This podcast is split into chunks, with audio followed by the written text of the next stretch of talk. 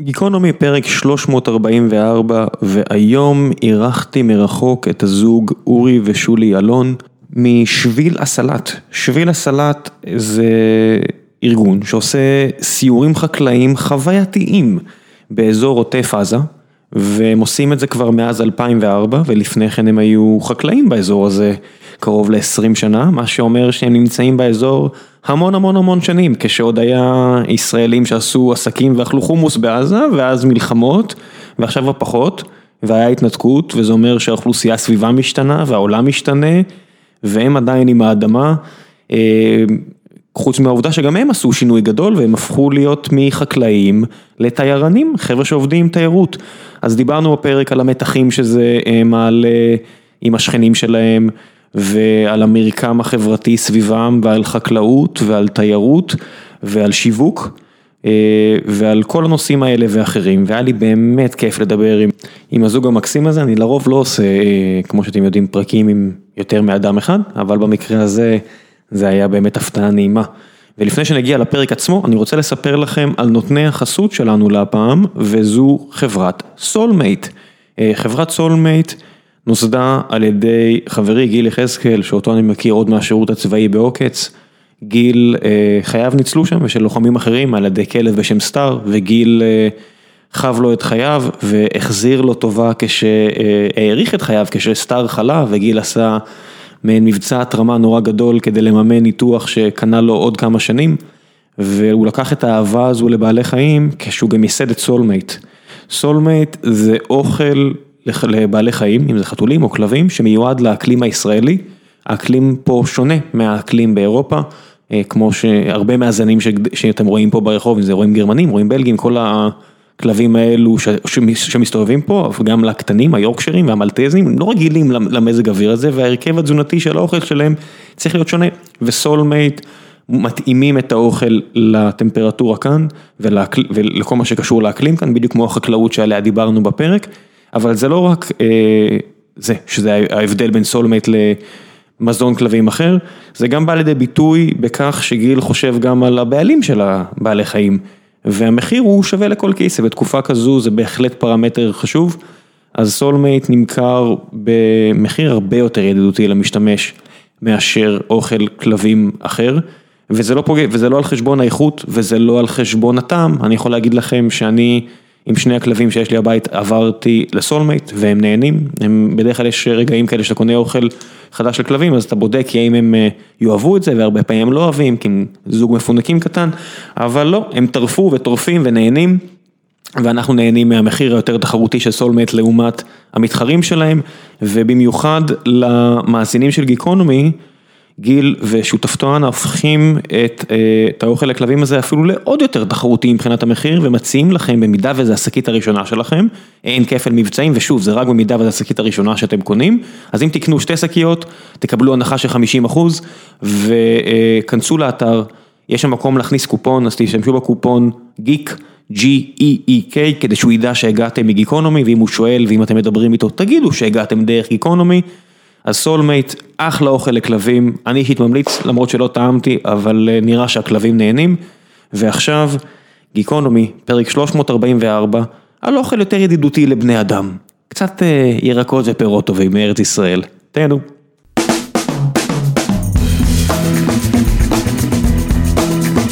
גיקונומי פרק 344 וגם היום אני מקליט מרחוק אבל עדיין יש לי את הכבוד לשוחח גם אם מרחוק עם שולי ואורי אלון, מה העניינים? מצוין, תודה. אחר הצהריים טובים. איך זה נראה מה, מהזווית שלכם? איך המרגש? סוף סוף רואים את הפנים מאחורי הכל, אנחנו שומעים להרבה פודקאסטים שלך. אז יופי. וסוף סוף רואים את הפנים שלך. אז הנה. בדיוק אתמול הייתי במשק שעושה, לקחנו, הלכנו כל המשפחה למשק שעושה משהו דומה למה שאתם עושים, מעין שביל הסלט באזור נתניה, קצת צפונית לנתניה, וחשבתי לעצמי, כשאתם התחלתם לעשות מה שעשיתם, היה לכם השראה? הייתם הראשונים? לא היינו הראשונים, אבל היינו בין הראשונים, והתנופה שיש בשנים האחרונות, בפירוש הפכה את החוות לקטיף עצמי למאוד מאוד פופולריות. אבל אנחנו עשינו משהו קצת אחר מההתחלה וממשיכים לעשות אותו עד היום. זה, זה קצת משעשע שמדינה שנוסדה הרבה בזכות חקלאים ו, ועבודה עברית אה, בגבולות של המדינה, היום חקלאות נהייתה אה, תיירות, נהייתה משהו שאנשים עירוניים כמוני מגיעים ומסתכלים עליו בתור איזה קוריוז נחמד לשבת. אה, תראה, יותר מזה, אני יכול להגיד לך שגננת בגן ילדים היום, שמלמדת ילדים על גזר, לא ראתה בחיים שלה גזר באדמה. וההתרחקות מה, מהאדמה היא כבר, אם בדור שלי עוד כל אחד היה אומר כן היינו בקיבוץ, עשינו פעילות כל עירוני, היה, היה לו איזשהו פרק בהכשרה בחקלאות כלשהי, אם הדורות של היום כבר אין להם מושג ו, וזה חסר, והחזרה לשורשים הזאת אנחנו נותנים אותה.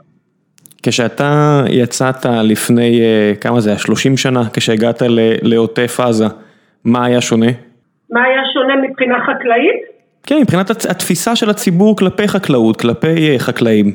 אה, אני חושבת שזה היה צורך תזונתי מאז ומעולם, ובעבר החקלאות הייתה, התוצרת החקלאית הייתה ברובה ישראלית, היום זה כבר לא כל כך ככה, היום מנסים להוזיל ולהביא דברים אטרקטיביים שלא מגדלים בארץ מרחוק.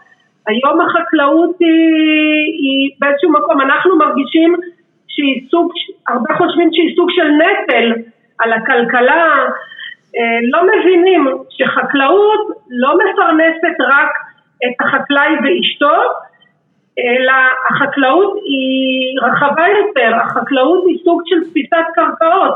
לא עושים חקלאות בתל אביב, עושים חקלאות בפריפריה הרחוקה.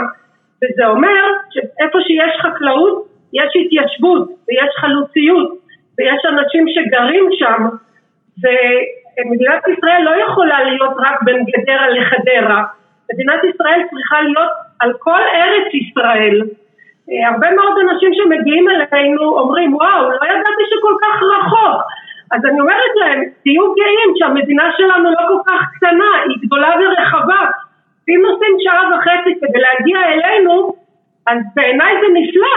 המדינה גדולה, המדינה רחבה. כן, לא, אני לא יודע עד כמה שעה וחצי נסיעה אה, מסמל מדינה גדולה, אבל זה בהחלט, את יודעת, כשרובנו חיים בעיר, וכל מה שהם נוסעים זה חמישה קילומטר לכאן, עשרה קילומטר לפה, פתאום נסיעה של נכון. 90 או 120 קילומטר נתפסת כרחוק. נכון.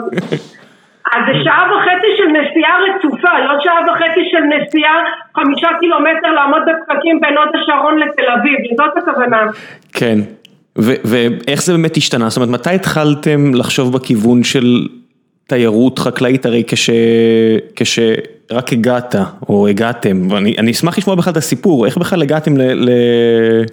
לגידולים. וכאגרונום לעוטף עזה?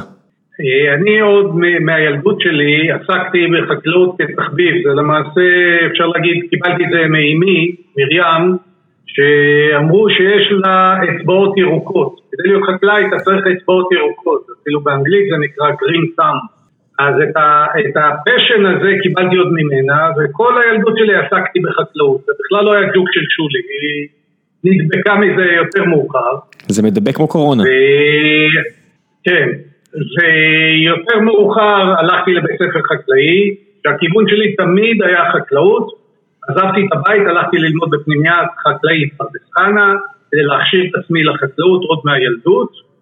והכותרת שבשער בית הספר, שהיום הרבה חסר להם את זה, אומרת, טוב לגבר כי יישא עול בנעוריו. אז את המשפט הזה חקוק על השער של בית הספר שלנו, ואני עדיין מאמין במשפט הזה.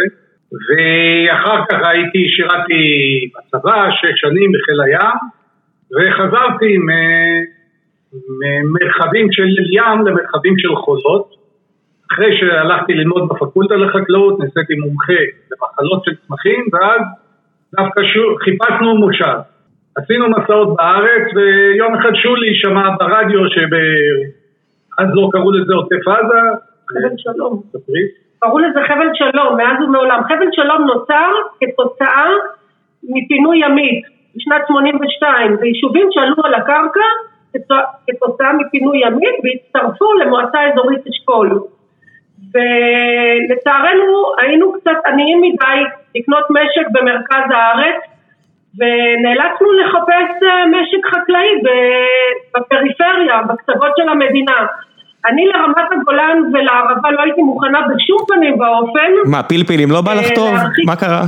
לא, זה עניין של מזג אוויר, לא טוב לי בחום מדי ולא טוב לי בקור מדי, גדול מדי, אני צריכה משהו באמצע.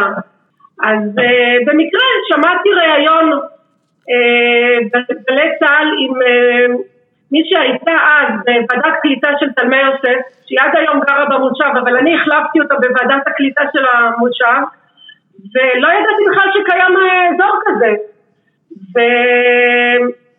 והתחלנו לברר ולשאול ולהגיע, וביקרנו לביקור, ווואלה מצאנו אה, חבל ארץ נחמד, לא רחוק מדי מהמרכז, שבתמיכת הסוכנות, שאפשר אה, לקבל עזרה גדולה מהמדינה, ואמרנו יאללה, הולכים על זה, וככה התגלגלנו לתלמי יוסף לפני 32 שנים, באנו לכאן עם הבן הבכור שלנו, תום, שהיה אז בן שנה, וזהו, ומאז אנחנו כאן, גידלנו פה שלושה ילדים.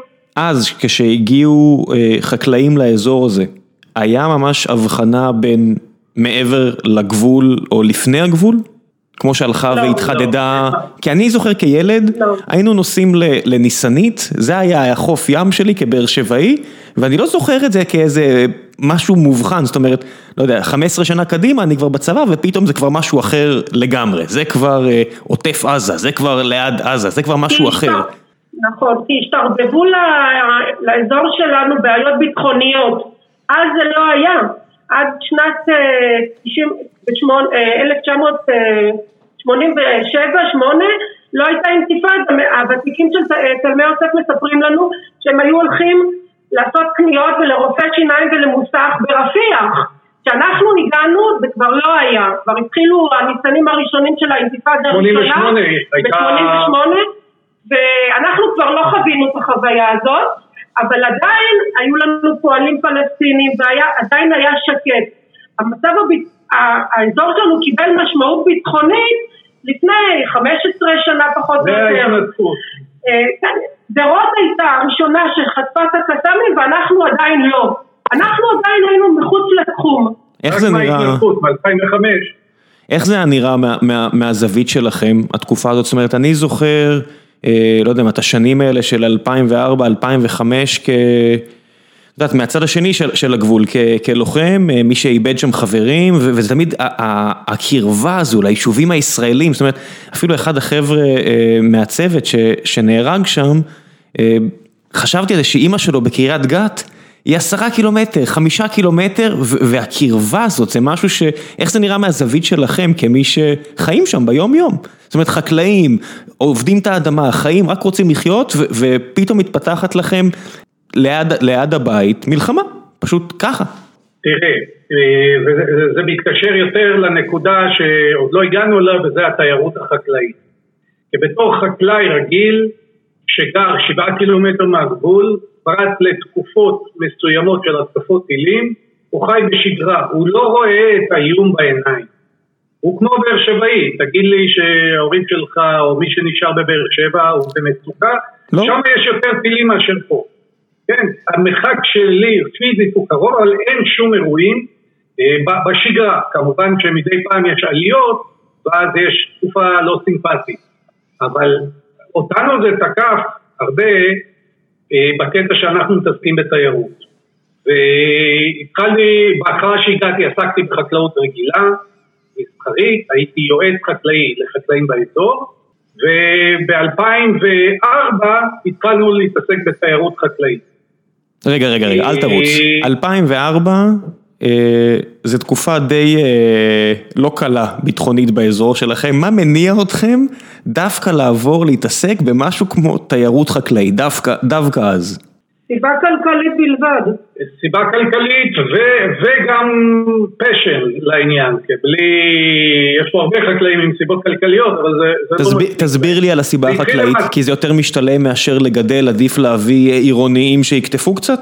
תראה, אה, בחקלאות של היום, אה, בשנים שהיו מושבים בחבל ימית, אני מדבר עד שנת 80, היה מספיק להתפרנס ליחידת משק של אבא, אימא, ילד ואיזה.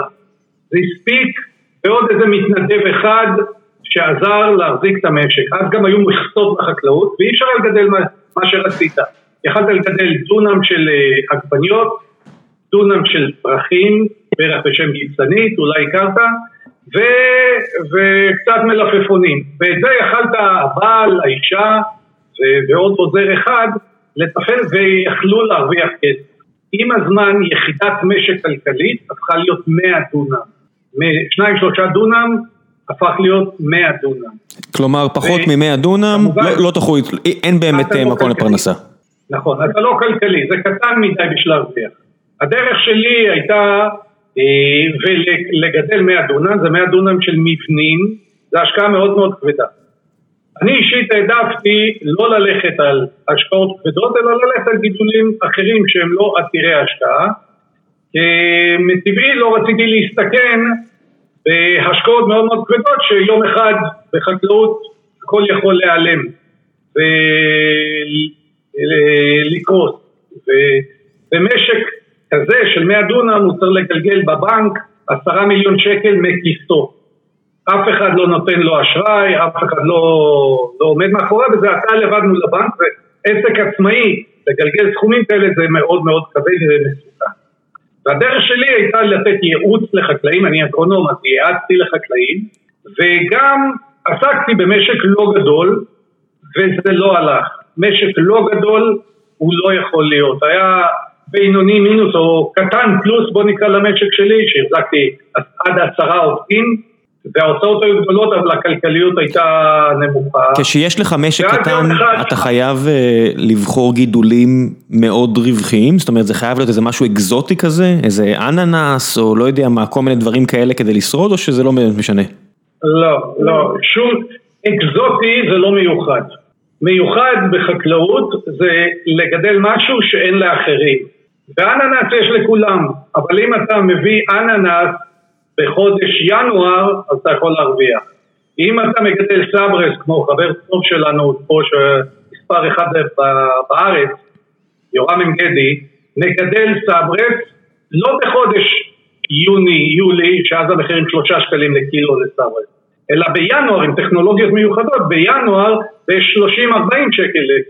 ו- ואז כולם יודעים לגדל סברס, אבל כולם יודעים לקטוף סברס ביוני-יולי. בינואר רק הוא יודע. וזה המיוחד. וזה מה שאתה ניסית לעשות? לסברס לא נכנסתי, זה דורש המון ידע, אבל אם אני אקח זן של עגבניות לדוגמה, שיש לכולם, אני יכול להיות קצת יותר טעים, קצת יותר, אבל זה לא מיוחד. אם אני אתן עגבנייה בצבע שלא קיים בשוק, אני יכול להיות קצת מיוחד. אה, בואו ניקח את ענבי טלי, שהם מאוד מוצלחים, ענבי לכיש. הענבים שלהם הם מצוינים, אבל היתרון שלהם בגלל שיש להם מחקר טוב, יש להם מותג טוב, יש להם התאחדות של עשרות חקלאים, ואז הפרמיה שהם מקבלים על הענבים קצת יותר מענב אחר, והם יכולים להיות רווחים. גם אני גידלתי ענבים, שלחתי אותם לשוק, אמרו לי יש פה טונות כאלה של ענבים, שילמו את מחיר השוק, שכל הרווחים בחקלאות בסופו של דבר הולכים לרשתות ולסיטונאים. ורק כשאתה מספיק גדול אתה יכול לשכנע את הסיטונאים שאם אתה רוצה את הסחורה של, שלי, של אורי, תשלם פרמיה יותר ואז יהיה כלכלי בכל זאת. אז זה אתה יכול לעשות רק כשאתה גדול. גדול זה אומר שיש לך גם משאיות שלך ומשווקים שלך וליין שלך ושם שלך, זה דבר גדול. ורק חקלאי כזה יכול לקבוע את השוק, זה לא אה, המצאות של משהו מיוחד, עגבניה מיוחדת זה נדיר, נדיר שיש בחקלאות המונית, בחקלאות הקונבנציונלית. זאת אומרת היום כבר אין, היום כבר אין, אין יכולת כלכלית, אין הצדקה כלכלית להחזיק משק אה, בגדלים האלה? זאת אומרת אין שום אה, פתרון שמאפשר למי שרוצה לעבוד את האדמה בתור אה, משלח ידו, למצוא אה, משהו שיניב לו מספיק כסף כדי לחיות משטח כזה קטן? אה, אני אצטט את אימא שלי, שלפני שבאתי לעסוק בחקלאות, היא אמרה לי, אתה רוצה להיות חקלאי, תגדל עציץ. אתה תשקה אותו, ימות, תחליף אותו, אתה תהנה מאוד. אבל אם אתה רוצה להתפרנס מזה, זה, זה לא זה, זה לא מחקלאות. חקלאות זה לא משחק ואין משהו קטן. אז אם בשנות ה-80 עוד היה משהו שהיית יכול להסתדר בכוחות עצמך, ואם היית חרוץ, היית קם שעה קודם, הולך לישון שעה אחר כך, היה לזה משמעות. ברגע שאתה מעסיק 60 פועלים אין לזה משמעות. אה, יש משמעות אם אתה יודע לנהל טוב, עם טכנולוגיות טובות, ואז אתה תוכל להביא גם במחירי השוק משהו פרמיה יותר טובה.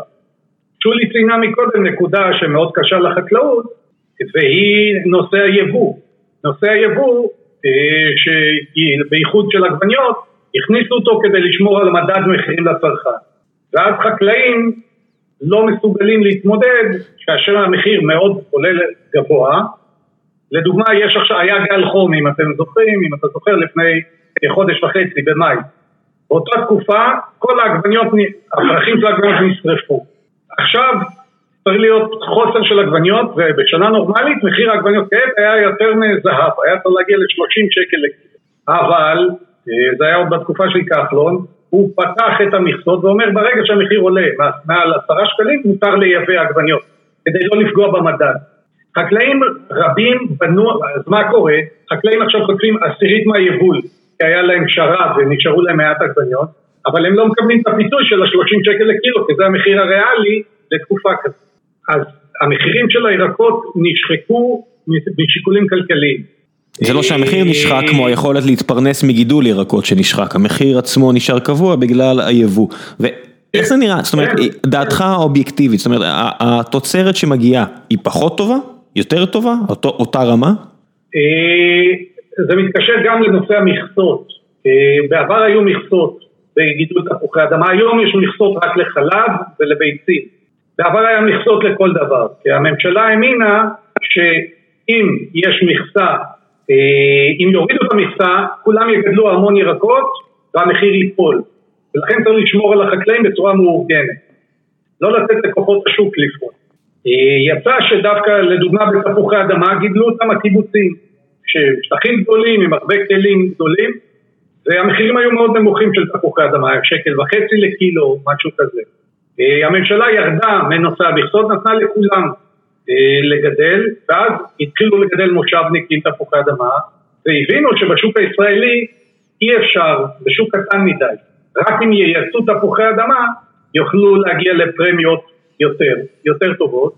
נוסף לזה, ואז הם התחילו לייצא לאירופה, והאירופאים אמרו אנחנו לא רוצים את הזבל של ישראל, אנחנו רוצים תפוחי אדמה עם טעם, טעם מיוחד, טעם ששפים רוצים, יש זן שנקרא רוטה, שמיוחד לשפים אה, צרפתיים, יש זנים אחרים. רגע, רגע, רגע, אתה רץ.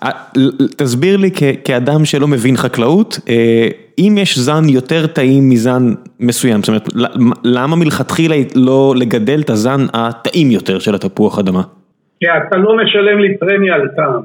כשאתה הולך לקנות עגבניה, אתה לא יודע איזה טעם יש לה. אתה רואה אם היא קשה, אם היא אדומה, אם היא רכה, טעם אתה תראה בבית. ואם התאכזבת, תבוא מחר, זה כבר יהיה של חקלאי אחר. אין מותג לעגבניה.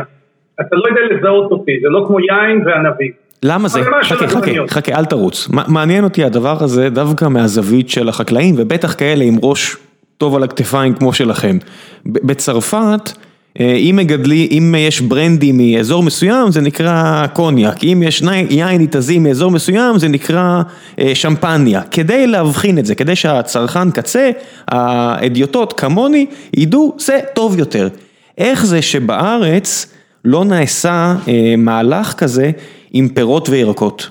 זה נעשה כן, אה, זה נעשה כן במקומות מסוימים כמו ענבי טלי שציינתי, שהם עשו את זה, אה, חברת אגו, זו חברה אזורית שעשתה במתגה זנים, הדוד משה שעשה את זה, עכשיו יש הדחליל, גיל הדחליל של פירות הגולן, אבוקדו מהגולן, יש התארגנויות גדולות שיודעות לבנות מושג ולשייך אותו לאיכות, אבל במאסה אתה לא יודע. ולכן אין לחקלאי הבודד, אני כמשק משפחתי, לא יכול לבנות מותג שאתה תדע לזהות אותו ולשלם רק על טעם.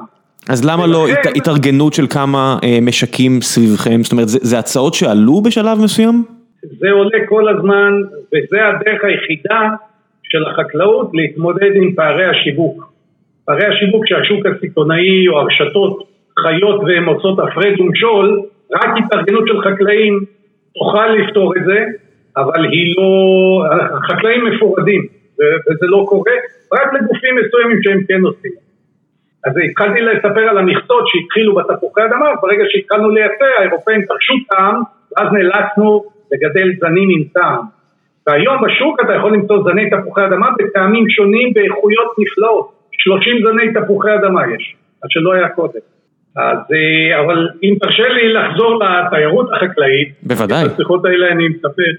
אה, את כל הסיפורים האלה אנחנו מספרים, אנחנו מספרים אצלנו, ולמעשה ב-2004 שולי הלכה, היא חובבת בישול, והיא הלכה לחוג בישול אזורי, כי המגמה שבעיה בתיירות ה...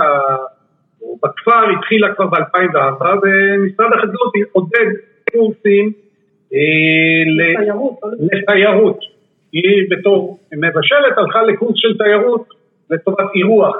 ואני הצטרפתי בסוף הקורס, לא הייתי בקורס הקריירה, לא הייתי בכיוון, הייתי יועץ חקלאי בארץ ובעולם, ויועץ לחקלאים אחרים, ואז החלטתי להצטרף לסיור סיכום של הקורס עם טובי המדריכים שהיו בקורס הזה, והסתובבנו בגליל ובגולן, וראיתי שמה שהם יודעים להציע במגוון שיש לנו פה באזור הפטור, אין לנו מה להתבייש בו מבחינת ההיצע החקלאי.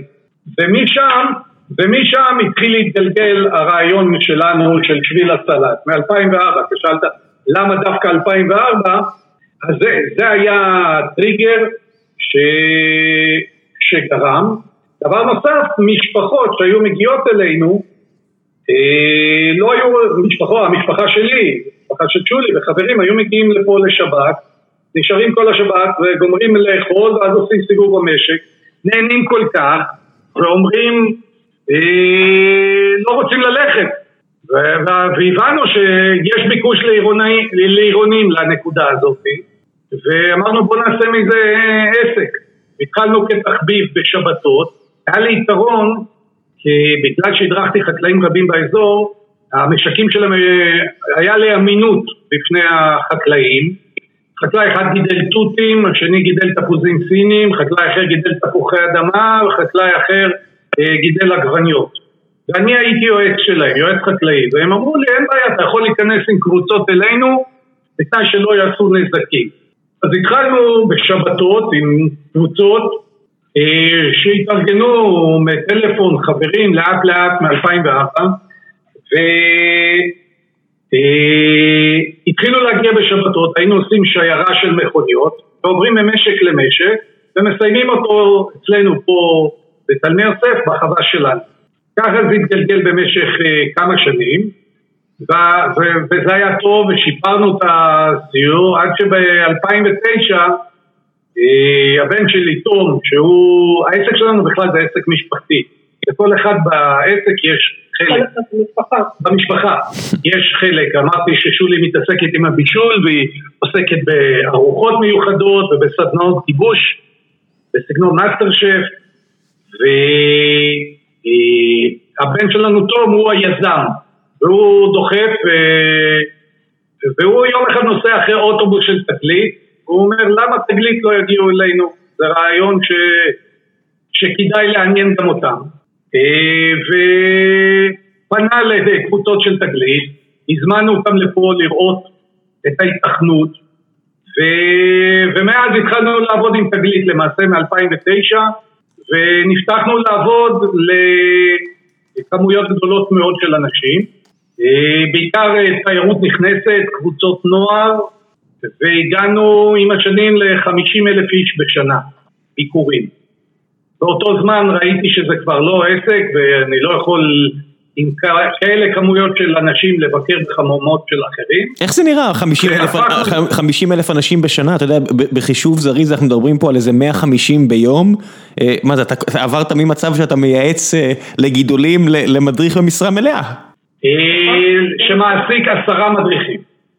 ו-50 אלף איש ביום, לא, זה אפילו לא, ימים לא. של, בשנה, זה אפילו ימים של אלף איש ביום.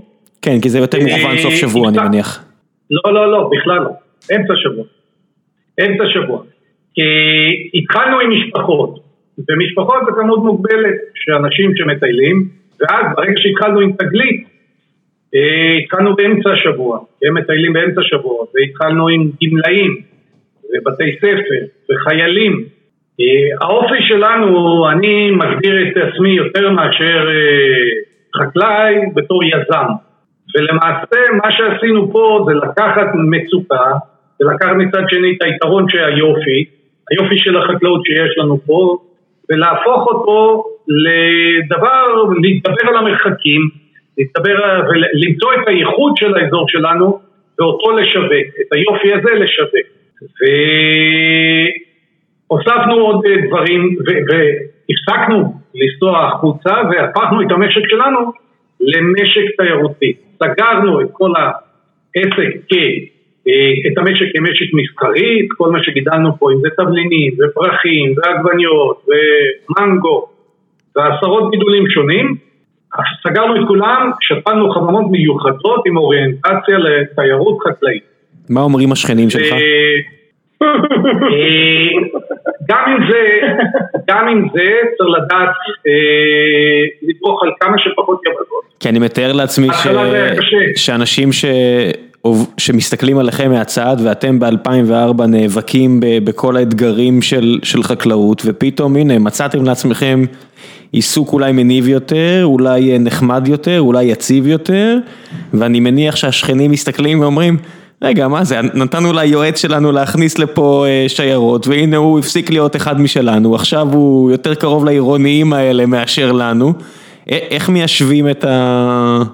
את הסיטואציה הזו? תראה אני, אני חושב שיותר מהבעיה של השכנים, עם השכנים הצלחנו אה, לא לדרוך להם על היבלות, לדוגמה ליצור דרכים עוקפות שלא יפריעו, כי במושב שאתה נוסע אתה נכנס, הכבישים לא בנויים לאוטובוסים ואין חנייה לאוטובוסים ואין שירותים, זה לא, זה לא פסיליטי שמתאים לתיירות. את הכל לקחנו בחשבון ויצרנו דרכים עוקפות שלא יפריעו לאף אחד. אבל המאמץ שלנו הרבה יותר קשה, הוא מתמשך עד היום, זה לשנות מודעות של אזור שלם, של ראש מועצה, להבין שיש בעיה של טילים או במצב ביטחוני, בוא, אני אתן לך דוגמה את המצב שקורה בחרמון. כאשר בחרמון נופל איזה רקטה אחת, ראש המועצה הוא הראשון להרגיע. הוא הראשון להרגיע כי הוא יודע שהאנשים בחרמון או בכלל בגולן תלויים בתיירות כעסק קיומי. ואם עכשיו הוא יפחיד את האנשים, יגיד אל תבואו, כולם במקלטים, סכנת אה, נפשות, מכל רגע יקפצו עליכם מהגדר. אה, סורי, סורי מחופר היטב, כמו שלומדים בטירונות. כן, הסורים על הגדרות, אף אחד לא יבוא לתיירות, אתה כתייר לא רוצה את זה. והאזור שלנו הוא לא התאפיין כאזור תיירותי, אלא רק אזור חקלאי, שכמו שציינו קודם, אם אתה חקלאי ונופלים עליך טילים, אז אתה נפגע וקשה לך והתאילנדים מפחדים. אז ההנהגה של האזור דאגה לפמפם לתקשורת את המסכנות, ובאמת, האזור היה קשה, אבל לא תמיד הוא קשה. כן, שמע, זה התנגשות, אה, אתה יודע, זה התנגשות אינטרסים מאוד מאוד ברורה, כי מצד אחד יש את החקלאים שרוצים את התמיכה של הממשלה ורוצים ליחצן אה, מצוקה. ומצד שני יש את החבר'ה כמוכם שמתפרנסים מתיירות ורוצים לשדר בדיוק את ההפך, רוצים להגיד נורמלי, רוצים להגיד בטוח, רוצים להגיד שבבאר שבע נופלים אה, טילים ארוכי טווח שמסוכנים יותר ופה זה פצמ"רים, זה מסוכן פחות, אני לא יודע איזה כיוון אפשר לצייר, אבל האינטרס שלכם נהיה כבר ממש מנוגד לאינטרסים של השכנים שלכם. תראה, הבום הגדול שנפל עלינו זה היה בעופרת יצוקה. בזמנו חיים ילין היה ראש המועצה שלנו ולחיים ילין יש אה, כושר אה, התבטאות והופעה טלוויזיונית מדהימה. והוא רץ ממיקרופון למיקרופון ולכל אה, רדיו ולכל מי שהיה מוכן להקשיב לו ולספר על המצוקה של תושבי מועצה אזורית אשכול, עוד לא קראו לנו אז אפילו עוטף עזה האינטרס שלו באמת היה להביא תמיכה לאזור, אה, כספים, מענקים, אה, הנחות אה, שונות ומגוונות והוא באמת הצליח בזה ובאמת עד היום אנחנו מודים לו, אבל אנחנו יצרנו איתו קשר אישי והסברנו לו את ניגודי האינטרסים, אתה מצד אחד עושה, אתה רוצה לשווק את האזור הזה שלנו כאזור תיירותי ולהביא לפה אנשים בימים של שקט ורגיעה. ומצד שני אתה בזמנים של מלחמה אתה רק ומספר כמה קשה וכמה מסוכן פה אצלנו. והיו לנו לא מעט שיחות, באמת נהיינו חברים של חיים ילין עד היום אנחנו חברים שלו. והיו לנו לא מעט שיחות על העניין הזה, אבל אין מה לעשות, הוא בסוף ניצח אותנו מהבחינה שנהיינו עוטף עזה, קיבלנו הרבה הנחות ומענקים, אחרי כל, אחרי כל מבצע גדול, עופרת יצוקה, עמוד ענן, צוק איתן, אתה פתאום רואה מרחיבים לנו את הכבישים, סוללים לנו מדרכות, משפרים לנו את התשתיות שזה משהו שלא היה קורה אם לא היו, לצערי הרב אני אומרת את זה, אבל זאת המציאות, אם, לא, אם המצב הביטחוני היה נשאר שקט ורגוע כמו שהיה לפני עופרת יצוקה. אבל כל הרעש התקשורתי הזה שהוא מייצר, בנו כתיירנים הוא פוגע. אז מצד אחד הוא נורא רצה לעודד תיירות שתגיע לאזור, כי הוא הבין שמחקלאות מתחיל להיות קשה לי, אה, להתפרנס, אבל זה לא, זה לא הולך בכפיפה אחת, זה... אני מניח שזה, כן, אני מניח שזה אותם אה, קונפליקטים שיש לחבר'ה בגוש עציון ובהרבה מקומות אחרים שמצד אחד רוצים את התמיכה, אבל מצד שני גם רוצים נכון. שעם ישראל ברובו יגיע ורוב עם ישראל השיווק עובד עליו כמו שהשיווק עובד על הפוליטיקאים. אם ממתגים אזור, אם דיברנו על מותגים של קוניאק ושמפניה, אז אם ממתגים אזור בתור עוטף עזה, אחד המקומות הכי עוינים לישראלים כנראה בעולם, אה, הסיכוי ש, שמשפחה תבוא לבקר נמוך הרבה יותר מאשר חבל ארץ אשכול ומשהו שממותג בתור אזור חקלאי, אזור בתולי, אזור אה, שורשי, אי אפשר לקבל גם את זה וגם את זה. ו... נכון, אתה כן? אתה צודק לגמרי. בית שאן, בית שאן עשו את זה יפה, במקום לקרוא לזה עמק בית שאן, הם קראו לזה, שינו את השם לעמק המעיינות. אז אה, כולם בית שאן, מי בא לבית שאן, אבל עמק המעיינות זה נשמע סבבה. אני רק חייבת להגיד בתור קוריוז, שבימים של שקט ורגיעה, אה, ואנשים שלא מכירים, אז אנחנו אומרים לה, אנחנו כבר לא אומרים גם מועצה אזורית אשכול, כי זה גם יהפך להיות שם חם ב... כותרות בזמני מלחמה. אז אנחנו אומרים להם שאנחנו מחבל הבשור. זה נכון, אני לא משקרת. אז אנחנו משחקים עם מבחר השמות שיש פה לאזור בהתאם לזמנים שיש באותו, באותו רגע. אני מניח שיש כל מיני סיטואציות שבהם אה, אנשים שפחות מכירים, לא יודע, שמגיעים מהמרכז או שלא לא טיילו בצד השני, מסתכלים על האופק ואומרים, תגידו, מה, מה זה העיר הזו שם? מה, מה זה שם ומה זה שם? יש לנו מפה, כן. יש לנו מפה שאני מראה, מראה על מפה איפה נמצאים, אז במפה פשוט בעריכה, בגרפיקה, מחקתי את עזה. פשוט היא לא קיימת. אתה מבין, זה כאילו... אני מראה לאנשים, זה על רגל אחת, על רגל אחת כל הטירוף של האזור הזה, אם אם, אם הזכרתי מקודם שב-2004 אותו אותו חבר נהרג כל כך מעט קילומטרים מהמשפחה שלו בקריית גת, והנה אתם שאתם אה, רק עשר שנים לפני כן, לא אפילו אנשים כמו ההורים שלי שהיו נוסעים לעזה להביא משם, אה, שהם בנו את הבית שלהם, פועלים מעזה עבדו איתם, ואבא שלי היה יושב איתם קפה והכל סבבה, ואת יודעת, אתם יודעים, הסכסוך, הסכסוך הערבי-פלסטיני יוצר מצבים כאלה מעוותים, כי גם המדינה פצפונת, את מדברת על שעה וחצי נסיעה, ובסוף זה אנשים שהם במרחק של 100 קילומטר, והם אפילו לא מבינים שזה עזה שהם שמעו עליה, כי במחי מחיקת אצבע אתה יכול פשוט לצייר משהו אחר. אני חייבת לציין שאנחנו, האנשים הפשוטים, וגם אם תיקח את האנשים הפשוטים ברצועת עזה, אנחנו חברים, ואנחנו נשמח לשבת ולשתות כוס קפה ביחד, ומה שנקרא לנגב חומוס ביחד. הבעיה היא, היא הרבה מעלינו, היא בעיה אה, של הפוליטיקאים, של המדינאים. שלנו ושלהם.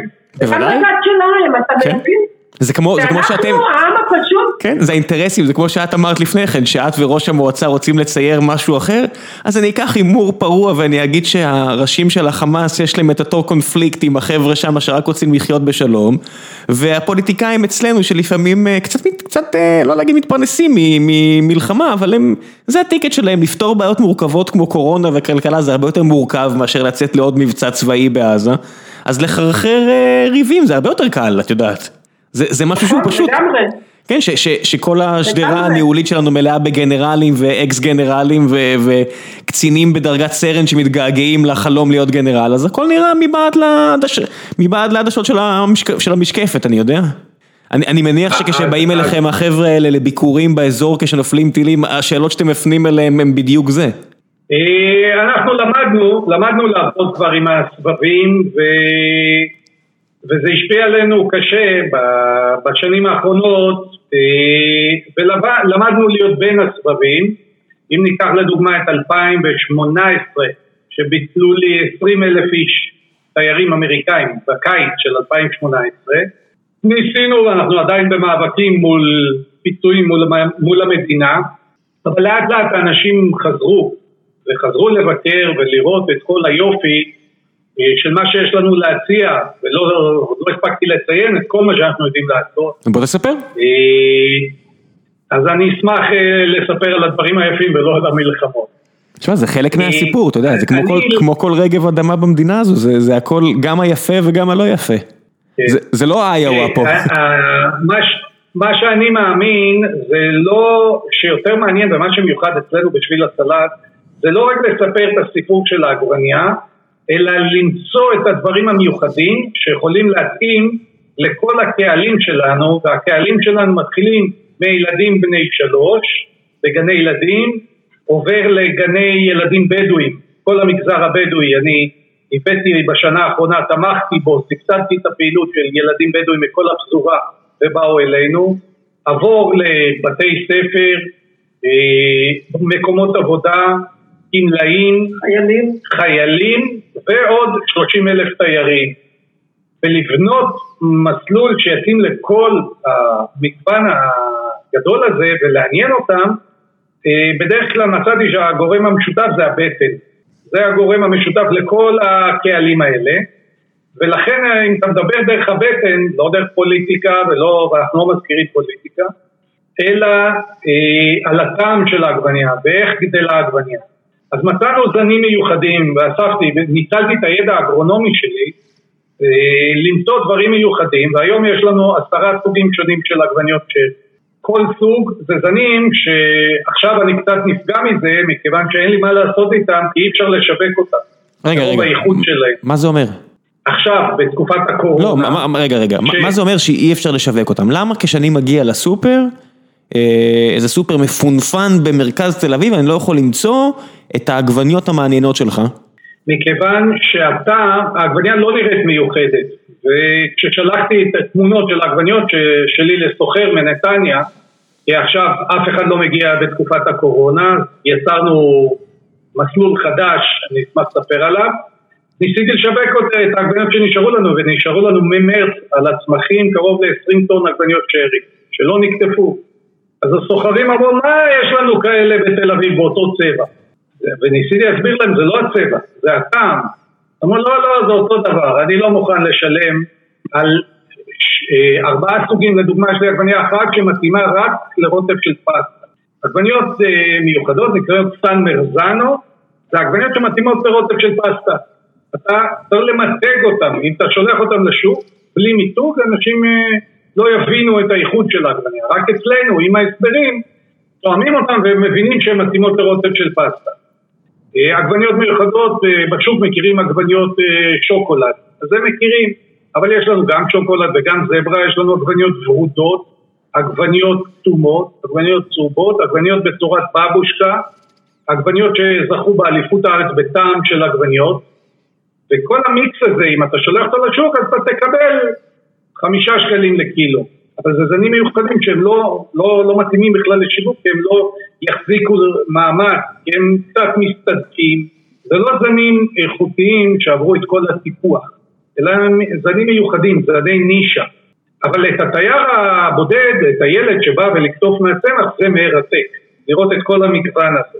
אז uh, עכשיו בתקופת הקורונה יש לנו עשרות uh, קילו, מאות קילו על הצמחים. דבר נוסף שעשינו, לקחנו גזר. גזר זה נחמד, אבל אנחנו יצרנו ארבעה, לא יצרנו, מצאתי, ארבעה צבעים של גזר. שמבקרים מגיעים וקוטפים ישירות מהאדמה, חופרים באדמה, ודיברתי על הגננת שלא לא ידעה שגזר גדל באדמה ולא בסופר, ככה היא חינכה את הילדים, אז אצלנו הם חווים את החוויה הזאת, אבל לא, לא רק שזה גזר שגדל באדמת המדבר או בנגב, אלא הוא יוצא בארבעה צבעים. זה וואו, זה לא רק מעניין, זה וואו. החוויה אצלנו היא חוויה של וואו. איך אתה מגיע למצב שהגזר לא בצבע שכולנו מכירים אותו? אתם לא מכירים אותו כי אתה לא תקנה גזר בצבע לבן. לא, אני אומר... אתה לא תקנה אותו. אה, ספציפית אה, זוגתי הציגה לי גזר לבן ממש לאחרונה, אה, אז במקרה נפלת לי, כן, שממש במקרה הכיר גזר לבן, אבל ממש במקרה, אבל איך מגיעים לזה? זאת אומרת, זה פשוט זרעים אחרים, איך מפתחים את זה? זאת אומרת מהצד שלכם זה קונים את זה פשוט? תראה, אני מנצל את הידע הרחב שלי ואוסף מכל מקומות בעולם. אני קונה גזרים מיצרנים מיוחדים, מייבא מהולנד, זרעים מיוחדים של גזר. יש גזרים כאלה אבל הם לא מוכרים. אני מחפש את הייחוד של המוצר, ואם זה לדוגמה גזר בצבע סגול, אז מכירים את הגזר הסגול, אבל מייצרים אותו רק לתעשייה, לייצור צבע מאכל. רגע, רגע, רגע, אל תרוץ, לך זה נראה טריוויאלי? מה, מה זה אומר? מה, יש אתר אינטרנט שבו אתה יכול להסתכל על תמונות ו- ומה, ומגיע משלוח של זרעים מהולנד? אה, בהתחלה עשינו את זה ככה, כן, היינו מייבאים דרך האינטרנט זרעים של דברים מיוחדים. אה, זה לא חוקי, אז הפסקנו עם זה. מה לא חוקי? רגע, מה, מה, זה אומר, מה זה אומר לא חוקי? מה לא חוקי בזה? לא חוקי לייבא זרעים בלי מעבר במכס. הם צריכים לעבור מבחינת... אה, רשות הפיקוח החקלאי, וברגע שאורזים אותם באינטרנט... למה, למה, למה, למה? מחשש למחלות. חשש שייכנסו מחלות עם זרעים לא מחוטים ולא מטופלים היטב. אתה כאגרונום מבין את החשש הזה? כן, ודאי, ולכן אנחנו לא עוסקים בזה, ואנחנו עובדים בחברות מסודרות שהן דואגות לחטא את הזרעים ולהעביר בכל המסננות הפתוחות. אה, קרו מקרים שהביאו יבול לא חוקי, אפילו החומני, הידוע לשמצה, הגיע ביבול לא חוקי, עם אה, יבוא של תמרים, לדוגמה. אה, ויש מזיקים רבים שמגיעים ככה. אז, אז אני, אני יודע למצוא את הזרים המיוחדים, ופה זה הוואו, להוציא גזר מהאדמה, מאדמת המדבר לשטוף אותו, ובכלל הוא בצבע לבן, צהוב או סגור. דברים נוספים שעשינו זה לדוגמה תפוחי אדמה. תפוחי אדמה מכירים, אבל החוויה של לחפור באדמה, ואני לא יודע אם עשית את זה, ואני מזמין אותך לבוא, עם הילדים זה חוויה של, שזוכרים אותה שנים, לא, לא פחות משנים. מגיעים אליי משפחות עשר שנים אחרי שהיו פה והם זוכרים בדיוק, לא רק יותר, זוכרים את החוויה, זוכרים גם איפה הייתה כל חממה זה נקבע להם כל כך חזק החוויה הזאת. כן, יש פה ב... שסיפרתי שאתם מגיעים בפורום החיים עצמם של גיקונומי בפייסבוק, אז יש פה כמה אנשים שאמרו, הייתי פעמיים עם הילדים, היה מהמם. אה, כל מיני תגובות כאלה של אנשים שביקרו אתכם לאורך השנים, והחוויה ממש נחרטה בזיכרונם. תראה, למשל, הקטיף של העגבניות, בוא נחזור רגע לעגבניות אה, שרי.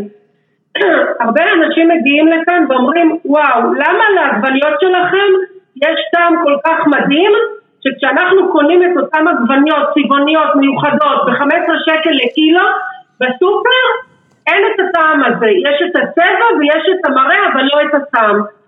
ואצלכם העגבניות מצופות כמו סוכריות, והרבה פעמים אמהות אומרות לי, את יודעת, הילד שלי לא אכל עגבניה עד היום, וזה פעם ראשונה אצלכם בחממה שהוא אוכל עגבניה. כן, אסף אביר היה בפודקאסט, אה, אסף אביר כתב את הספר, אה, כתב ספר בשם לא, לא ספר בישול, ככה הספר שלו נקרא, והוא מספר שם שהוא לקח תוצרת מחקלאים ומהסופר והעביר אותה במתקן שאני אף פעם לא זוכר איך, איך הוא נקרא כדי הספקטרום של הטעמים, כמו שיש ספקטרום של אותות, יש גם ספקטרום של טעמים, והוא מראה שם בספר איך הפער בין אה, מרחב הטעמים שיש בתוצרת חקלאית הוא כל כך הרבה יותר רחב מאשר בתוצרת של הסופרמרקט. והוא אומר, אם אתם רוצים לבשל משהו באמת טעים, ברגע שקניתם בסופר ולא אצל חקלאי או בשוק ישירות מהחקלאי, הפסדתם, זהו, אתם כבר לא יהיה לכם אותו רמה של טעם, כמו שאם הייתם קונים חומרי גלם אה, כאלה.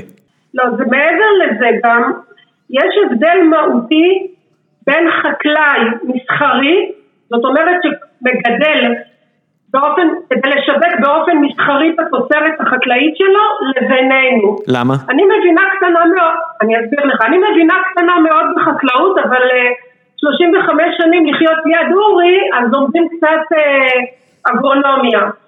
כאשר חקלאי שכותב באופן מסחרי uh, רוצה לשווק עגבניה, הוא לא מגיע עם העגבניה למיצוי הטעם שלה שהיא על הצמח. הוא כותב אותה שהיא חצי ירוקה מכיוון שלוקח 24 שעות לפחות מהרגע שהעגבניה נקטפה בחממה שלו עד שהיא הגיעה לסוחר ומהסוחר לחנות או, היום יש כבר uh, קו ישיר בין החקלאי לסופר ואז בסופר אותה עגבניה שוכבת יומיים שלושה באה הגברת עם סלים, קונה את העגבניה ורוצה שגם אצלה העגבניה תחזיק עוד ארבעה חמישה ימים. אם הוא יקטוף את העגבניה בשיא בשלוטה, כל הטווח זמן הזה לא יתקיים. העגבניה תתרכך ותאבד את הצורה שלה. אין לה חיי מדף. ולכן אצלנו אין צורך לשמר את כל הזמן הזה. העגבניה אצלנו גדלה על הצמח, אתה בא, אתה כותב והיא ישר נכנסת לפה שלך ומשם עוברת לקיבה. אז רגע, אני רוצה לשאול, אני רוצה לשאול פה משהו בשלב הזה, אני רוצה לשאול פה שנייה משהו. אה, שהצרכני קצה שרוצים אה, לבקר פחות בסופר ושהפירות והירקות ישתמרו להם, בסדר, אני יכול להבין. אבל כשטעם זה שם המשחק, למשל במסעדות, שאנשים באים, מוכנים לשלם המון כסף כדי לשבת ולאכול ארוחה טובה, אם יש כזה פער, אה, איך זה שבעלי מסעדות לא קונים את כל התוצרת שלכם? כי הפער אמור להיות מובחן, זאת אומרת אני יודע שיש איזו מסעדה בתל אביב בשם בית תאילנדי, מאוד טובה במה שהיא עושה, ואם אני לא טועה, הרבה מהגידולים שלה מגיעים מאחד המגדלים שהשכנים שלכם, שהוא מגדל להם את הקאנה וכל מיני דברים ספציפיים שהם, שהוא מוכר רק להם, וזה מובחן, זאת אומרת מי שטועם שם אומר, תקשיב משהו פה יותר טעים. אז איך זה שאין חיבור? אם יש כזה שגעת קולינרית בארץ והישראלים כל כך אוהבים להוציא כסף במסעדות, איך אין חיבור בין חקלאים של משקים קטנים שמוכנים לקטוף את זה כשזה הכי בשל, הכי טעים, לבין המסעדות? אני אסביר לך בצורה מאוד פשוטה, המרחק והזמן שווה כסף. יכול להיות שאותו מסעדן קונה מחקלאי שממילא התוצרת החקלאית שלו מגיעה לתל אביב, ואז על הדרך הוא מוריד לו איזה שניים שלושה ארגזים עם התוצרת שהיא יותר בשלה ויותר טעימה לצורכי בישול במסעדה שלו. אבל למשל אנחנו, שאנחנו מראש לא מייעדים את התוצרת שלנו לשיווק מסחרי, כדי שאנחנו נגיע עם התוצרת שלנו למסעדות, אנחנו צריכים לקום בבוקר, לקטוף את העגבניה, לארוז, להכניס לאוטו ולנסוע 150 קילומטר שהיום בפקקים של היום זה לוקח שלוש שעות כדי להגיע לתל אביב. כל זה מתרגם לכסף. והמסעדן הכי מופלא שיהיה לא יהיה מוכן לשלם את העלות הכלכלית שזה יעלה. אני אתן לך סיפור קוריוז נחמד. ב-2010 אה, השף שגב משה בא לבקר פה אצלנו, הייתה לו תוכנית טלוויזיה שכל פרק בעשר דקות האחרונות של הפרק הוא היה יוצא לצילומי חוץ לצלם כל מיני דברים מיוחדים, ירקות, פירות ועושה מהם איזשהו מתכון נחמד ומביא כל מיני דברים חדשים ורעננים ומיוחדים במקום גידולם ואז הוא ראה את המלפפונים שלנו ואמר לנו וואלה תביאו לי מלפפון עם הפרח שלו זאת אומרת זה מלפפון בגודל של באורך של שני סנטימטר עם הפרח שלו. לצורך זה צריך כל יום לקום בחמש בבוקר, לקטוף את המלפפון, כי מלפפון במיוחד בחודשי הקיץ, תוך שעות הוא גדל ומתארך, לקטוף את, את המלפפון בדיוק בגודל שהוא רוצה עם הפרח, מהר מהר לארוז, ואני למשל, אורי ימשיך לעבוד בחווה ואני אכנס לאוטו ואסע אליו לחנות, למסעדה שלו, סליחה, בהרצליה. זה לא דבר שאפשר ליישם אותו. לא. זה לא דבר ש... שהוא יהיה מוכן לשלם את המחיר של זה. אתה מבין? כן, לא, לא, כש, לא כשהוא תחר, שהוא רוצה להיות תחרותי מבחינת המחירים מול כל המסעדות סביבו. נכון, נכון, ואז כי אז גם המנה שהוא ייצר מאותם מלפפונים תהיה יקרה פי כמה, ואז הוא עושה את החשבון הכלכלי שלו גם כן. האם זה מצדיק את זה? אבל מה שאני רוצה לחזור רגע לסיפור של העגבניות, למה אצלנו הן כל כך מצוקות, זה מכיוון שאצלנו העגבניה מגיעה לשיא הגידול שלה על הצמח, לשיא הבשלות שלה על הצמח, ואז היא יונקת מהצמח את כל הסוכרים שלה, והיא הופכת להיות סוכריה. החברים שלנו במשפחה שלנו קוראים לזה עגבניות סוכריות. וגם הילדים הקטנים שמגיעים לכאן, הם כותבים, הם אומרים, וואו, איך העגבניה כל כך טעימה? אז זה כל הסיפור. יש הבדל בין קטיף מסחרי לקטיף כמו שאנחנו, אה, סליחה, לגידול כמו שאנחנו מגדלים. שאנחנו מביאים את האוכלים אלינו, ולא, ולא כמו בקטיף המסחרי, שהמגדל מביא את העגבניה אל הסועדים. אתה מבין את ההבדל? בהחלט.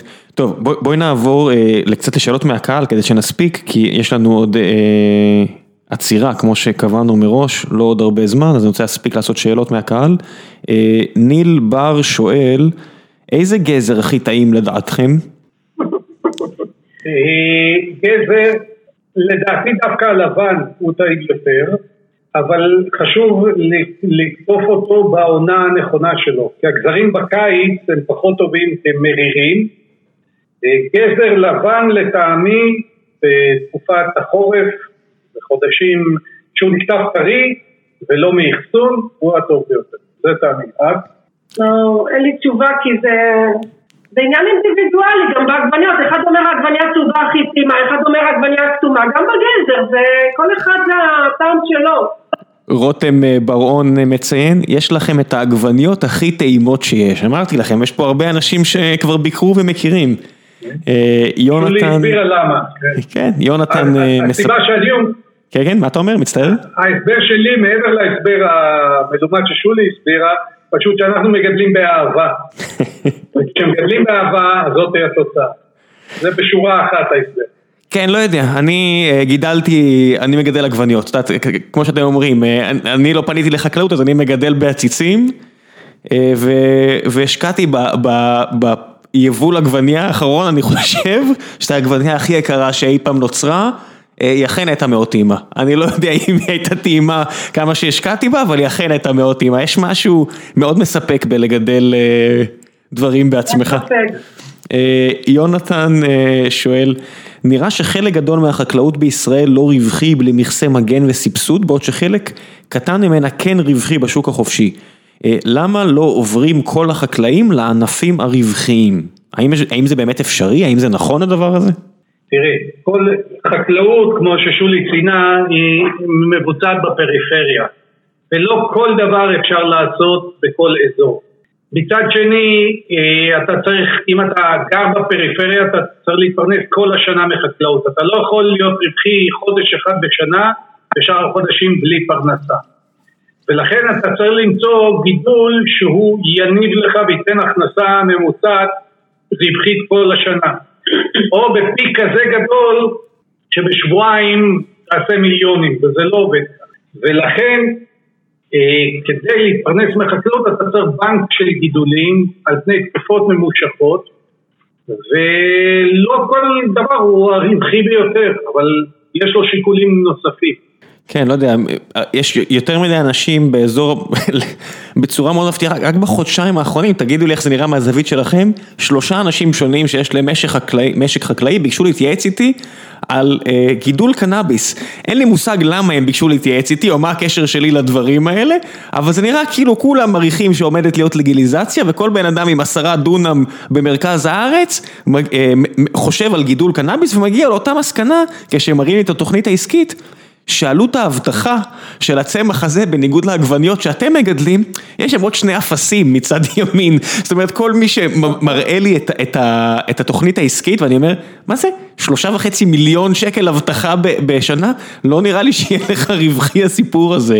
חשבתם על זה? זאת אומרת, אתם רואים על כן. חקלאים שמדברים על זה? כן, כן, זו תנופה שגם פה, אני אסביר לך את העוקץ שבקנאביס. מי שהולך להרוויח כסף בקנאביס זה לא החקלאים.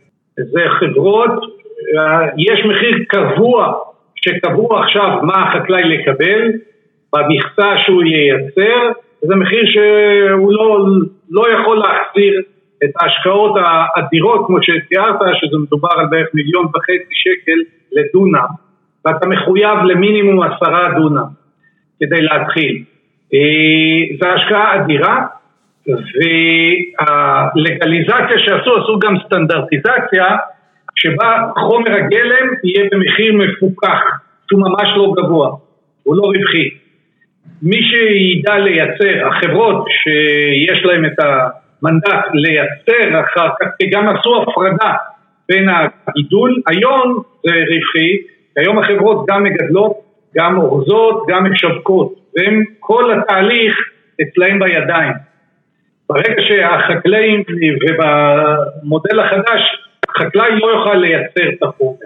ולכן הוא יקבל כמו שאתה, בוא נשווה את המחיר בין אה, פירה במנסה דת פאר לבין כמה שהחקלאי קיבל על התפוח אדמה הזה. ברור לך שהוא קיבל שלושה שקלים לקילו על מנה שאצל שגב משה אתה משלם עליה 300 שקל לקילו. כן? החומר גלם פה, הרי הקנאביס הופך להיות חומר גלם. ולכן אה, מפוקח.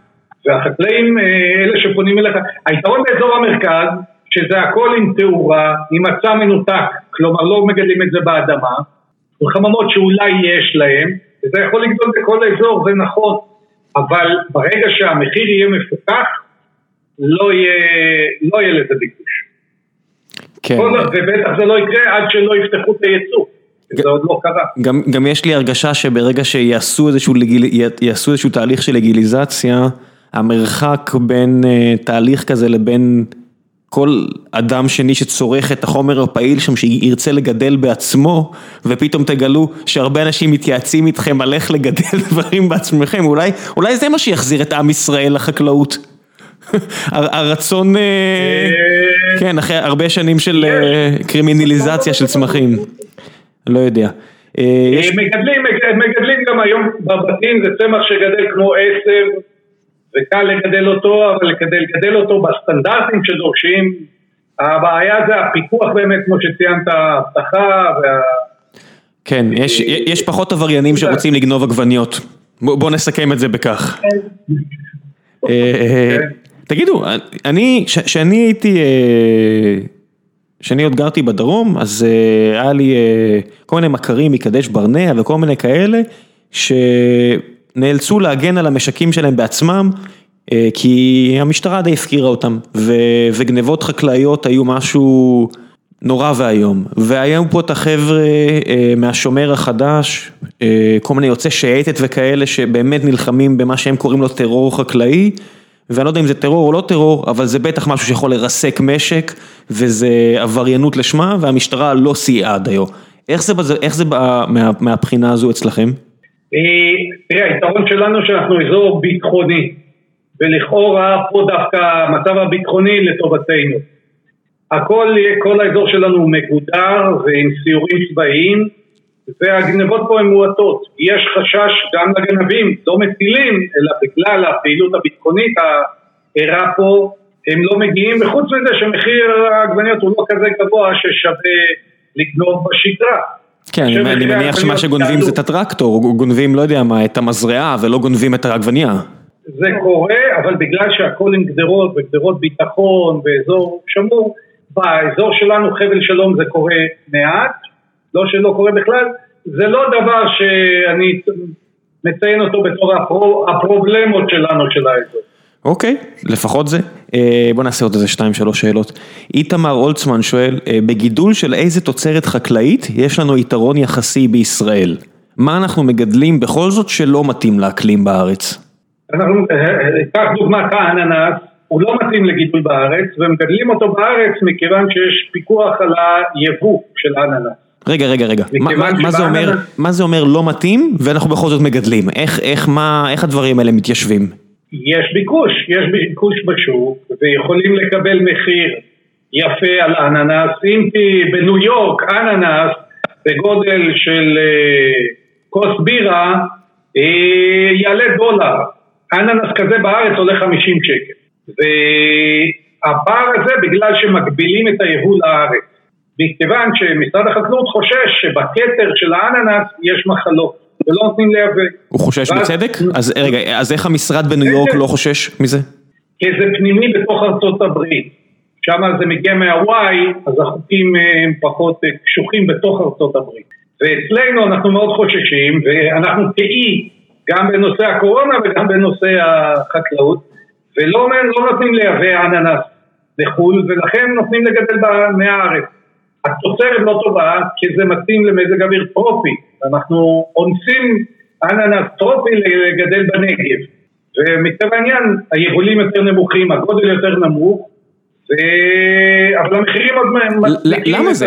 למה זה? מה זה? זה עניין של כמות שמש? זה עניין של טיב האדמה? מה, מה הפרמטרים שגורמים... אקלים, מזג אוויר טרופי, שונה מהמזג אוויר בנגב חם לו, בקיץ חם לו מדי. חם לו ויבש לו מדי, כן. צריך לחוץ בחום. נכון, והאדמה צריכה להיות הרבה יותר חומצית. הוא גדל, ויש אננס, גם לנו יש פה אננס, אנחנו המפקחים אצלנו רואים, הם מאוד מתלהבים, אבל זה לא, לא מה שאתה רואה בניו יורק. זה לא האיכות כמו שאנחנו מכירים מחו"ל. זה, זה, זה מצחיק שאתה אומר ניו יורק, לא יודע, אני חושב אננס, אני חושב, לא יודע מה, תאילנד, מה זה ניו יורק, איך חיברת אננס בניו יורק, מאיפה זה מגיע? לא, כי דווקא בניו יורק שדווקא לא מגדלים שם כלום, המחיר עדיין דולר. זה, זה האבסורד, שמביאים אותו מהוואי בטיסה רחוקה ועדיין הוא דולר עולה. כן, אתה יודע, ניו יורק, לא- ניו יורק להוואי זה איזה 5,000 קילומטר, לא אמרת, לא יודע מה, רוד איילנד, ניו ג'רזי. זה בתוך ארצות הברית נכון. אה, הרשמית, בסדר, אבל זה עדיין אמצע הפסיפי. זה עדיין איזה אי קטן. כן. אבל זה המחיר, זה קל לשנע אותו, מדהים. במטוסים, באוניות. מדהים שהם הצליחו, ו... שאיכשהו החקלאות המודרנית פותרת את העניין הזה, שגידול שנמצא טיזן שלוך, שעות של טיסה מניו יורק, איכשהו זה עדיין יהיה דולר, זה לא, זה מסוג הדברים האלה שיכולים לפוצץ את השכל. ואצלנו אתם מדברים על הקושי של, באמת הקושי האובייקטיבי של להביא את העגבניות 100 קילומטר, זה שוב העניין הזה של הכל פה משונה, לא יודע, זה, זה מרגיש לי כאילו, אם, אם הייתם מתאגדים, אם מישהו היה מחליט שחשוב לו דיו החקלאות פה, היה פותר את זה כבר. לא יודע איך, אבל כן, היו לא, פותרים את זה. זה גם עניין של גודל. כן. זה גם עניין של גודל, אני מוכן לנסוע לתל אביב, אבל למלות משאית, לא למלות אה, private בבגאז'. בדיוק. אה, אז בואו נעשה עוד אה, שאלה אחת. אה, אוריאל אופיר שואל, מה דעתכם על היישובים הדתיים שנוסדו במועצה אחרי ההתנתקות? האם החיבור בין האוכלוסייה החדשה והאוכלוסייה הוותיקה הצליח? אה, האם בכלל אתם רוצים לפתח אה, אה, קשר בין קיבוצניקים ומושבניקים? האם משקעי העבר נגמרו? הוא מסיים בדרישת שלום מתושב בני נצרים לשעבר. טוב, הוא בלבל פה, הוא ערבב פה כמה דברים, יש פה כמה סוגי אוכלוסיות. מועצה אזורית אשכול זו מועצה של 26 יישובים, חצי קיבוצים וחצי מושבים. אה, ובאמת במשך שנים מאוד ארוכות הייתה הפרדה מוחלטת בין הקיבוצים למושבים. פריצת הדרך הגדולה לאיחוד בין הקיבוצים למושבים הייתה ב-2009 כשהקימו בית ספר אה, משותף כי הצליחו, הבינו שבגלל המצב הביטחוני צריך בית ספר ממוגן והיה תקציב להקים בית ספר אחד תיכון, ואז איחדו את, את מערכות החינוך. ועם השנים גם בתי ספר היסודיים התאחדו, ואז אה, הייתה התקרבות גדולה יותר בין הקיבוצים למושבים. זה לגבי התושבים הוותיקים והקבועים של אה, מועצה אזורית אשכול. ב-2005 הצטרפה למועצה אזורית אשכול הקהילה של אנשים, אה, תושבי אה, גוש קטיף שהתפנו, הם בהתחלה גרו בשכונות זמניות ועכשיו הקימו להם, מה זה עכשיו? ב-2010 הקימו להם שלושה יישובים, אה, יישובי קבע בחבל שלום. אורח החיים שלנו, החילונים ושל הדתיים, לא מאפשר הרבה נקודות מפגש לחיים משותפים. מערכות החינוך שונות, הן נפרדות, חיי התרבות נפרדים, אה, אנחנו נפגשים במרפאה, אנחנו נפגשים בסופר, הם, אה, כל אחד מה, מהסוגי האוכלוסייה מקיימים את החיים שלהם בנפרד, אין הרבה נקודות השקה בינינו לבינם בתרבות, בקהילתיות ויש סטטוס קוו שנשמר והכל בסדר, הם חיים את החיים שלהם, אנחנו חיים את החיים שלנו והכל בסדר גמור. זה מועצה בתוך מועצה, ברגע שבתי ספר נפרדים. איזה מורכבות אנושית מדהימה על משולש כזה של אה, פלסטינאים, יהודים דתיים, חקלאים חילוניים, קיבוצניקים, מושבניקים, הכל ברדיוס של עשרה, חמישה קילומטר. כן. ושתבין, זה בסך הכל מדובר על 15 אלף איש. כן. זה אולי שתי שכונות בפתח תקווה. אולי אפילו אחת, אני לא יודע, זה נראה לי, אולי אפילו אחת. אולי, אני לא יודעת, אולי, כן. אולי. תקשיב, יוסף יש 70 משפחות, זה בניין בפתח תקווה. כן, לגמרי. טוב, בוא נעשה באמת שאלה אחרונה, זהו, זהו, באמת שאלה אחרונה.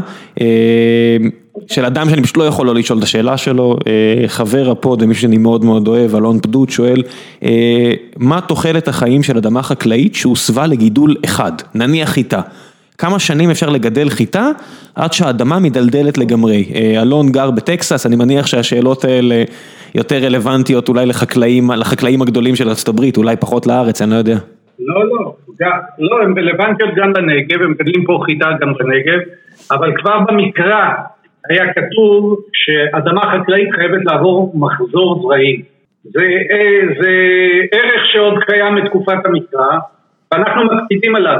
כאשר אנחנו מגדלים חיטה, שנה אחרי אנחנו נגדל תפוחי אדמה באותה אדמה. למה? למה? ושנה אחרי הגזר. תסביר לי את הרציונל המדעי פה. מכיוון שקודם כל ניצול של מינרלים של הצמח, דבר שני, אה, נושא של מחלות שמצטברות. ברגע שאתה מגדל באדמה בתולה, היה פה, ברגע שהגיעו גוש קטיף לאזור, לקחו שטחי אש והפכו אותם לאזורים חקלאיים. המדינה הפשירה שטחי אש כדי שיהיה חקלאות. אז בשנה הראשונה הגידולים היו מאוד מאוד מוצלחים, כי מעולם לא גדלו שם שום דבר, לא היו מחלות, לא היו מזיקים, וברגע שעשו גידול ראשון הוא הצליח. שנה אחריה כבר המחלות לאט לאט הגיעו והתבססו, מחלות קרקע ומחלות ש... אחרות גם, ו... והפתרון זה מחזור זרעים. אי אפשר לגדל גידול אחד לאורך שנים, יש התבלבלות קרקע. ואנחנו מתגברים על זה, על ידי זיבול, דישון וטיפול בקרקע. טוב מאוד, אמ, יאללה בוא נעבור לחלק האחרון של הפודקאסט, המלצות. אין לנו רגולציה, אז אני מאוד מקווה שתמליצו על המשק שלכם ועל דרך הסלט. אז בואו תספרו למקרה ו... שביל הסלט. שביל הסלט, סליחה. אני חושב שדרך הסלט זה המקום שהייתי בו אתמול. אה, אבל אם אני רוצה פעם הבאה להגיע אליכם, אז בואו תספרו איך מגיעים, מתי מגיעים, מה הדרך הכי טובה. אה, שביל הסלט דווקא עכשיו בתקופת הקורונה פתח במיזם חדש. של קטיף עצמי, כמו שאולי עשית דומה לו, אבל מאוד מגוון. אנחנו מאפשרים, אם אנשים הכירו אותנו בתור סיורים חקלאיים מקצועיים, עם מדריך מקצועי שמלווה את הקבוצות, היום, דווקא בהתאמה שלנו לקורונה, עשינו מתווה שיכולים לבוא בקפסולות, כל משפחה בצורה בודדת מקבלת שקית, מזמרה, פוריה ויאללה לשטח וממלאה את השקית, חוויה בלתי רגילה, אה, ומאוד מאוד מיוחדת ומגוונת, ואם ביום שישי האחרון אה, הגיעו קבוצות מיבנה, עכשיו, אה, ומתל אביב, פתח תקווה, מגיעים האוהדים הגדולים של שביל הסלט לאורך השנים, ואני מדבר איתך על 50 אלף איש בשנה, יודעים להגיע. אבל אנחנו פונים גם לקבוצות הייטק, כמו החברה שלך לדוגמה, אנחנו עושים סדנאות, וזו ההתמחות של שולי, סדנת מאסטר שף, וכל היופי של הדברים שלנו. ולא הספקנו לדבר על הפרחים האכילים שיש לנו. מה זה פרחים אכילים? יש לנו פרחים אכילים בחווה כמו ביגוניה. מכיר את הפרח ביגוניה? כן. אתה מכיר אותו מעציץ עם פרחים אדומים ובודים? כן, אני מכיר אותו מהגינה. אני מכיר מהגינה. אז תוסיף אותו לסלט. הפרחים שלו הם אכילים. גם הפרחים של כובע הנזיר הם אכילים. גם הפרחים של הלבנדר הם אכילים.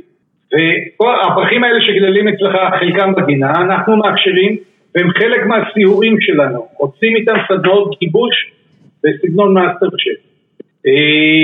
מגיעים דרך האתר של שביל הסלט, ובכלל כל האזור שלנו, אם תרשה לי, הוא התפתח מאוד בצורה תיירותית, יש לנו עמותה שמרכזת את כל התיירנים באזור, עמותת הבשור, ואתה יכול לבוא ליום שלם, להיות שעתיים בשביל הסלט, להמשיך לחווה של יעדים, לחווה של גבינות, אה, לרכב על אופניים, לעשות פעילות, ובחודש הבא יש אפילו מבצע, אנחנו מסבסדים את הפעילות בעשרה שקלים כניסה לכל האטרקציות בנגב, כל השבועיים הראשונים של אוגוסט, תנצלו את זה. עשרה שקלים כניסה להצעה. כמה, כמה הורים עכשיו שומעים את הפודקאסט הזה, אני מניח שכמה אלפים לכל הפחות, ומחפשים מה לעשות באמצע אוגוסט, ומי שהיה רגיל אה, לטוס מחוץ לישראל לתיירות חוץ, אז האפשרות הזו מתה עם הקורונה, ואם אתם מחפשים אה, מה לעשות אה, עכשיו עם המשפחה בכל סוף שבוע, נראה לי שנפתרה פה לפחות מחלוקת לגבי סוף שבוע אחד על מה עושים הפעם. אז אני אקח את ההמלצה שלך בשתי ידיים, אני, אני מניח שאני אגיע מתישהו בקרוב. אנחנו כשרים כאן, אנחנו לא יום שישי, שישי, שישי, שישי, מבחינתי סוף שבוע זה יום שאתה יודע לא עובדים בו, אז שישי זה גם יום ש... במיוחד בחלק השני של אוגוסט כשהגנים לא קורונה, כן קורונה, לא עובדים, אז, אז הנה פתרון טוב ליום שישי. אנחנו מקפידים, מקפידים על התו הסגול ועל קפסולות לכל משפחה, ויש המון מה לכתוב, בואו לתמוך בעוטף. זה, זה פנטסטי, מה זה העוטף? רגע, חזרת לשיווק הלא טוב, לא עוטף. כבר יודעים איפה אנחנו, אנחנו חבל הבשור אבל כבר... אתה אומר... אי אפשר ל... אי אפשר, לבלף. בואו נתמוך בעוטף. אז אני, אז אני אוסיף על ה... עוטף ישראל התכוונתי, לא עוטף עזה. זה מעולה, אז, אז אני, אני גם אוסיף אה, המלצה על אה, אוהד וגילי, שני חברי pod נוספים, שני חברים של ה pod נוספים מקרנבל של בשר, הם גם מסתובבים בארץ ועושים כל מיני שיתופי פעולה עם משקים כאלה ואחרים, יש להם... היה להם את קרנבל של בשר, הם היו פה וזכו להרבה פופולריות, אבל לצערי הקורונה פוגעת בהם כמו שהיא פוגעת בהרבה מאוד עסקים אחרים בארץ, אז כנסו לאתר שלהם, אה, תראו מה הם מציעים, יש להם כל מיני הצעות עכשיו למי שמגיע, אה, אולי אפילו תחברו אותם עם שביל הסלט, עם דרך הסלט, כל מקום שבו יש חקלאים טובים ותיירנים טובים, תטיילו בארץ, זה הזמן לסולידריות אחד עם השני, ואם אתם מוציאים כסף תוציאו אותו על אחיכם הישראלים שבהחלט ישמחו לראות אתכם ואת המשפחות שלכם. תודה רבה חבר'ה. תודה רבה. Bye, bye bye.